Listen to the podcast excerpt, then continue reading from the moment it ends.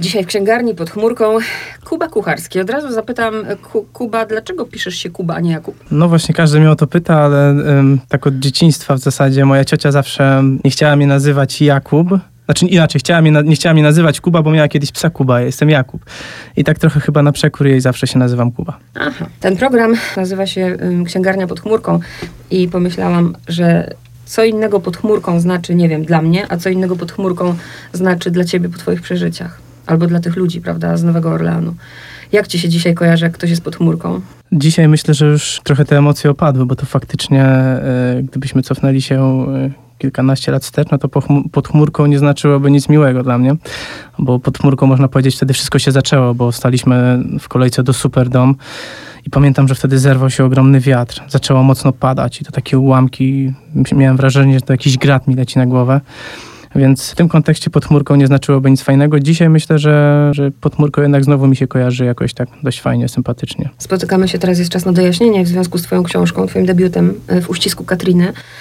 Mogę to spokojnie wrzucić do literatury faktu, bo to nie jest fikcja. To wszystko przeżyłeś ile lat temu? Dokładnie 14 lat temu, w 2005 roku. Nie wiem, myślę, że wszyscy wiedzą, e, czym jest Katrina, ale jeśli ktoś nie wie, dopowiedz. No, jeden z najsilniejszych i najbardziej niszczycielskich huraganów w historii Stanów Zjednoczonych. Zabił prawie 2000 ludzi, spowodował straty na ponad 100 miliardów dolarów. No dzisiaj to już nie, nie należy do tych najsilniejszych. Przewyższył go, Harvey go przewyższył, tak? Siłą być może i tak, natomiast jeśli mówimy tutaj, no, dla mnie najsilniejszy, to mam jakby patrzę w tym kontekście, że niestety miał ogromne ofiary w ludziach. E, no i Katrina jest trzecim najbardziej śmiercionośnym huraganem w historii Stanów Zjednoczonych. Pierwszym, tak, na, tak, tak tylko na marginesie dodam, był huragan z Galveston z 1900 roku, który zabił prawie między 8 a 12 tysięcy ludzi, to są różne szacunki. I drugim był huragan Okeechobee, Okeechobee się mówi, też zabił e, ponad 3 tysiące ludzi, no i następna jest Katrina. Bliskie mi jest, nie wiem jak to się mówi, stypendium Work and Travel, ponieważ swego czasu robiłam audycję z Martyną, która kilka razy już na Work and Travel była właśnie w Stanach i podobnie jak ty, jak czytałam, to się uśmiechałam, bo Martyna też zawsze marzyła o Stanach.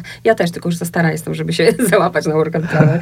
Piszesz o tym, że zawsze o tej Ameryce marzyłeś, bo twój kumpel, prawda, z podwórka wyjechał do Stanów i jak przyjeżdżał, to po prostu imponowały ci ciuchy, wszystko, jak o tej Ameryce opowiadał.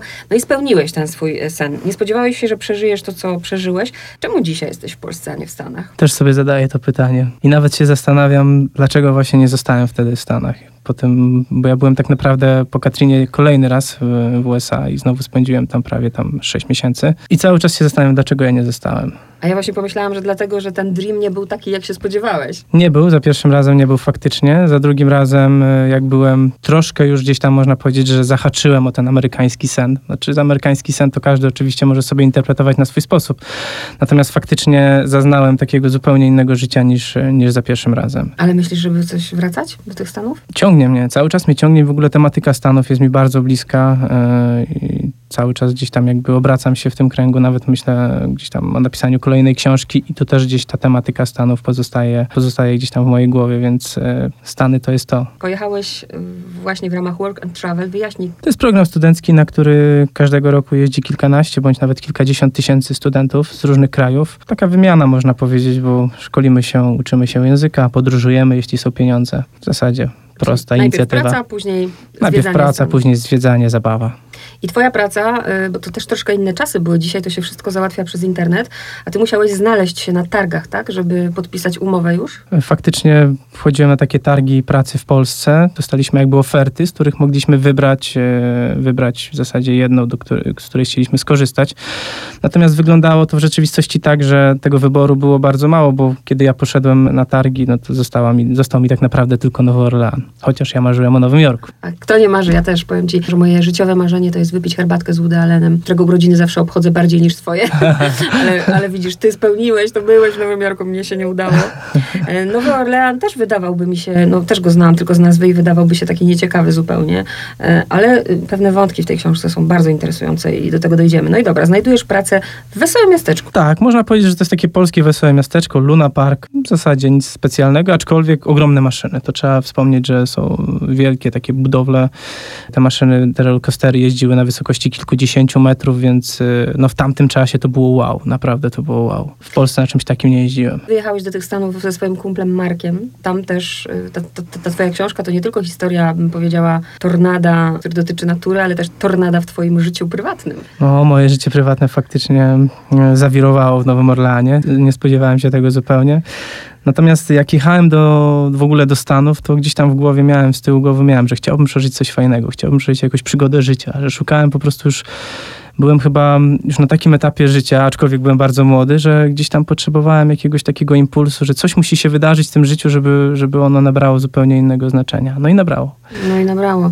Tym bardziej, że mm, no, też taki typowy zbuntowany chłopak jest w tej książce, bo kiedy powiedziałeś rodzicom, że jedziesz do Nowego Orlanu, to ojciec powiedział, synu, zwariowałeś? Synu, zwariowałeś, tam są huragany, od razu mnie ostrzegał. No ja zlekceważyłem. No, myślę, że dzisiaj jakby mi powiedział, to też nie wiem, czy bym, czy bym znowu nie zlekceważył.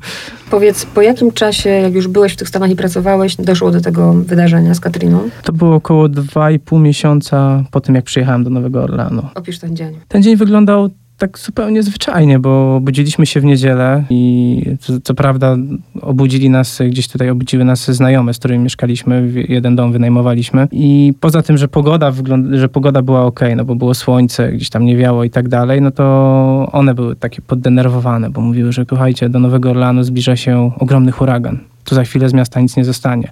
I to było takie wyrwanie, takie wyrwanie z rzeczywistości, bo dzień wcześniej wszystko, wszystko wyglądało tak normalnie, a, a właśnie w niedzielę jak się obudziliśmy, no to E, to tutaj gdzieś dziewczyny zupełnie inaczej jakby na, to, na, na, ten dzień spojrzały.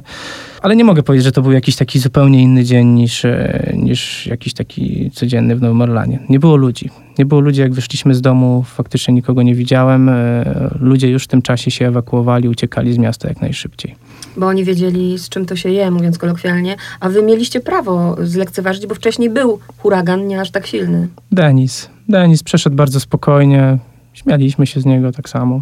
Ja tak myślałam, zachowałabym się dokładnie tak jak wy. Był ten moment, prawda, że będziecie pływać na materacach i, i, i, bawić się z aligatorami. Co was jednak tknęło tak, żeby tego nie zlekceważyć i jednak uciekać? No właśnie, myślę, że tutaj y, głos większości, bo jakoś tak zaczęliśmy dyskutować w grupie i mówimy, a może pojedziemy jednak na ten Superdom, bo, bo w ostatniej chwili dowiedzieliśmy się, że jest taki ogromny stadion, na który wszyscy się ewakuują, ci, którzy nie wyjeżdżają z miasta. No i stwierdziliśmy, że my też tam pojedziemy, to jest tylko jedna noc, nawet nie będziemy zabierać wszystkich rzeczy, część zostawimy i kolejnego dnia wrócimy wrócimy, pójdziemy do pracy, tak jak gdyby nigdy nic. Próbowałam sobie wyobrazić, bo wiem, jak się czas wylecze w pewnych sytuacjach, że 6 godzin staliście kolejce, kolejce. dostać się do tego, na ten stadion w ogóle. 6 godzin, 6 długich godzin, bo faktycznie ten czas y, się nam wydłużał. No i to był właśnie ten moment, o którym powiedziałem, że gdzieś tutaj w, pewne, w pewnej chwili zaczęło padać, zaczęło tak ogromnie wiać, ludzie nie wiedzieli, co się dzieje, jeden zaczął wpychać się na drugiego, to, to już była taka totalna panika. Wtedy myślę, że pierwszy raz zobaczyłem, jak człowiek właśnie w takiej sytuacji ekstremalnej ulega pewnym instynktom znaczy może nawet nie instynktom, ale takim reakcjom, e, na które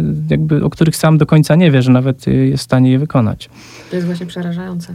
To jest przerażające. To jest Psychologia tłumu. Nie? Psychologia tłumu. A szczególnie jak opisujesz ten, tą, to była kobieta czy mężczyzna na wózku? Mężczyzna to był chyba. Mężczyzna na wózku, tak. Kobieta pchała ten wózek. Czyli jak już weszliście do tego, na ten stadion tego superdomu, to wy tak naprawdę tego huraganu, jak już się tam było w środku, to tego, co się działo na zewnątrz, w ogóle nie było słychać, tak?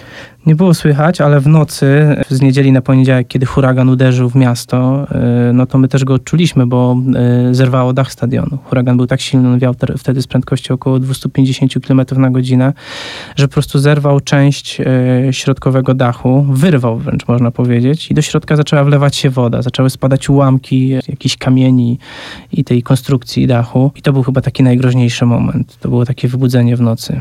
Czyli ty jakby widziałeś te spadające kawałki, bo z tego co zrozumiałam czytając, to właśnie obudziły cię te krople deszczu. Krople deszczu mnie obudziły, ale jak zaczęliśmy uciekać na koronę, na, na te boczne e, miejsca stadionowe, no to one faktycznie gdzieś tam przed nami spadały, zlatywały, więc to było dużo szczęścia, bo jakbym dostał takim ułamkiem ja czy ktokolwiek inny, no to, to taki ułamek mógł zabić od razu, bo to jednak leci z ogromnej wysokości i no, wyobraźcie sobie, teraz spada jakiś tam kilogramowy czy dwukilogramowy ułamek y, kamienia na głowę. jeszcze jeden wątek, bo popatrz, trzy wątki się zbierają. Wątek tego, jak się zachować w takiej sytuacji, wątek miłosny, bardzo ładny, No i też, że wszyscy wyobrażamy sobie, że Ameryka to kraj ludzi otwartych. Wszyscy cię kochają, wszyscy... A jeżeli ktokolwiek jest uciśniony tam, to właśnie czarni. A tu się okazuje, że w Nowym Orlanie wyglądało to trochę inaczej. Wyglądało inaczej, ale to mm, ja patrzę na to z dwóch stron. Wtedy, w tamtym czasie i te emocje gdzieś tam też wyrzucam w mojej książce, to było tak, że no ja po prostu piszę jak było i, i mówię o tym jak było i, i pokazuję te sytuacje, które faktycznie miały miejsce. I to były naprawdę straszne sytuacje, bo to były między innymi e, takie momenty, w których gdzieś e, czarni e, po prostu grozili nam śmiercią i, i mogło faktycznie tak być. Natomiast patrząc z perspektywy gdzieś tam kilkunastu lat już teraz po tym, co się wydarzyło, no to ja sobie porównuję to do takiej sytuacji, gdybyśmy my teraz się znaleźli na Stadionie Narodowym na przykład. 50 tysięcy białych i powiedzmy tam 50 czy 100 tylko czarnych albo, albo jakiś inny, albo ludzi jakichś innych narodowości. I byłaby taka sytuacja, że na przykład byłoby bardzo mało żołnierzy albo osób, które pilnują tego porządku i zaczęliby pomagać tylko tym, y, tej grupie turystów bo my wtedy byliśmy grupą turystów, nas było tylko kilkadziesiąt osób, a, a jakby pozostała część to byli, byli ludzie po prostu, którzy zostali w mieście. No i jak zachowaliby się ludzie, którzy są na stadionie? Ja myślę, że tutaj e, kolor skóry, patrząc z perspektywy czasu, może nie do końca dzisiaj ma znaczenie, bo tak naprawdę czy to byłby biały, czy to byłby czarny, czy to byłby jeszcze jakiś, jakaś inna narodowość, mogłaby się zachować. Każdy człowiek mógłby się zachować tak samo, więc moje podejście i moja konkluzja tego jest taka, że po prostu pewne rzeczy z nas wychodzą, nieważne e, jakiego koloru skóry jesteśmy, jakiej narodowości narodowości, biedni, bogaci, nie ma znaczenia. Realnie teraz pytam, chociaż możesz nie pamiętać, bo to jest jak perspektywa kilkunastu lat, że myślałeś, że już nie wyjdziesz stamtąd? Codziennie, codziennie tak jak leżeliśmy na tych materacach, to pierwsze takie informacje, które dostawaliśmy od żołnierzy były takie, że wy tu zostaniecie jeszcze dwa miesiące. Ale patrząc na to, że te wszystkie toalety zostały zapchane po prostu z dnia na dzień, tam było wszystkiego pełno. Patrząc na to, że tam za chwilę zaczęły się tworzyć gangi narkotykowe, bo po prostu oni mieli tam już narkotyki, mieli broń, no to tak naprawdę nie wiedziałem, co się wydarzy. Nie wiedziałem, co się wydarzy i sam w pewnym momencie już zaczynałem moje zachowanie zaczęło przybierać trochę takie, nie do końca takie, jakiego bym się spodziewał. Ze mnie zaczęło też wychodzić to, czego, czego nigdy bym o sobie nie powiedział. A był taki moment, bo to mnie też zastanawiało, przeżyłeś to, co przeżyłeś, takich rzeczy się nie zapomina. Myślę, że nawet sobie długie lata jeszcze po nie uświadamiałeś tej traumy, bo to takie rzeczy to się gdzieś tam układają z czasem. Co spowodowało, że po takim przeżyciu ty jednak decydujesz się, żeby zostać jeszcze miesiąc w Stanach? No przede wszystkim tutaj były kwestie finansowe, bo ja się zadłużyłem na ten wyjazd, pożyczyłem pieniądze, to była pierwsza sprawa. A druga sprawa, no, no ten Nowy Jork naprawdę mi siedział tak mocno w głowie, że mówię, no muszę zobaczyć ten Nowy Jork, bardzo chcę zobaczyć ten Nowy Jork. No i jeszcze tutaj doszedł taki wątek, że nam bardzo mocno pomogła też Polonia, która mieszkała w Ameryce. Wyszli do nas po prostu z pomocą w kwestii e, mieszkania, pracy, e, więc bardzo nam ułatwili ten pobyt, dalszy pobyt i stąd jakby decyzja o tym, że zostałem jeszcze. Pomysł na tę książkę kiedy się zrodził? On się zrodził dość dawno temu i ja dość długo też dojrzewałem do tego, żeby tą książkę napisać. I jak ją zacząłem pisać, to jeszcze kilka razy e, zaczynałem od nowa tak naprawdę. Natomiast takie ostateczne prace, można powiedzieć, albo takie prace, które zmierzały już w kierunku tego, żeby je ukończyć, to tak 3-4 lata temu. Masz kontakt z Markiem dzisiaj? Mam z nim kontakt, mam z nim kontakt, aczkolwiek no, nie, jest to już kontakt przyjacielski. Czytał tę książkę? czytał. I tutaj też taką ciekawostkę powiem, że napisał do mnie kolejnego dnia, powiedział, że tak się wciągnął, że, że e, nie poszedł do pracy drugiego dnia, bo całą noc czytał i bardzo mu się podobało. Czyli to nie było tak, a to nie było tak stary, to było inaczej. Nie, nie, właśnie spodziewałem się, że, że gdzieś tam e, będzie miał jakieś zastrzeżenia, nawet powiedział, że, bo tu jest jego imię, jest akurat zmienione w książce, e, zresztą pozostałych towarzyszy też, tylko moje i Sylwii jest mm. prawdziwe. I jakoś nie, nie miał do tego zastrzeżeń generalnie. Nawet chciał, żeby to jego imię oryginalne zostało w tej książce, ale to już było po fakcie, więc... I na koniec, jakbyś miał podsumować, czego ci ta historia nauczyła? Przede wszystkim innego spojrzenia na życie, na świat, na to jak, e, no dzisiaj mamy taki świat, że możemy dużo podróżować, możemy jeździć. E, jeszcze jak ja wyjeżdżałem do Stanów, to nie było takie proste. Teraz granice są otwarte, loty są tanie, wyjazdy autobusami, czy, czy nawet na stopa, jak chcemy, e, można bardzo łatwo podróżować, ale często zapominamy o tym, co właśnie te podróże mogą gdzieś tam w, nie, najba, jakby w najmniej oczekiwanym momencie nam przynieść. I to niekoniecznie musi być to coś dobrego. Może to być niestety właśnie taka sytuacja, w której ja się znalazłem. Ja dzisiaj dużo jeżdżę, też występuję po, w różnych bibliotekach, e, szkołach, e, na konferencjach, opowiadam właśnie o tej sytuacji, ale wplatam tą sytuację w nasze codzienne życie, żebyśmy po prostu byli przygotowani i, i mieli świadomość tego, że okej, okay, dzisiaj jedziemy do Londynu, ale pamiętajcie, że w Londynie też może nas spotkać coś, coś takiego, e, na co nie jesteśmy przygotowani. Warto to mieć z tyłu głowy.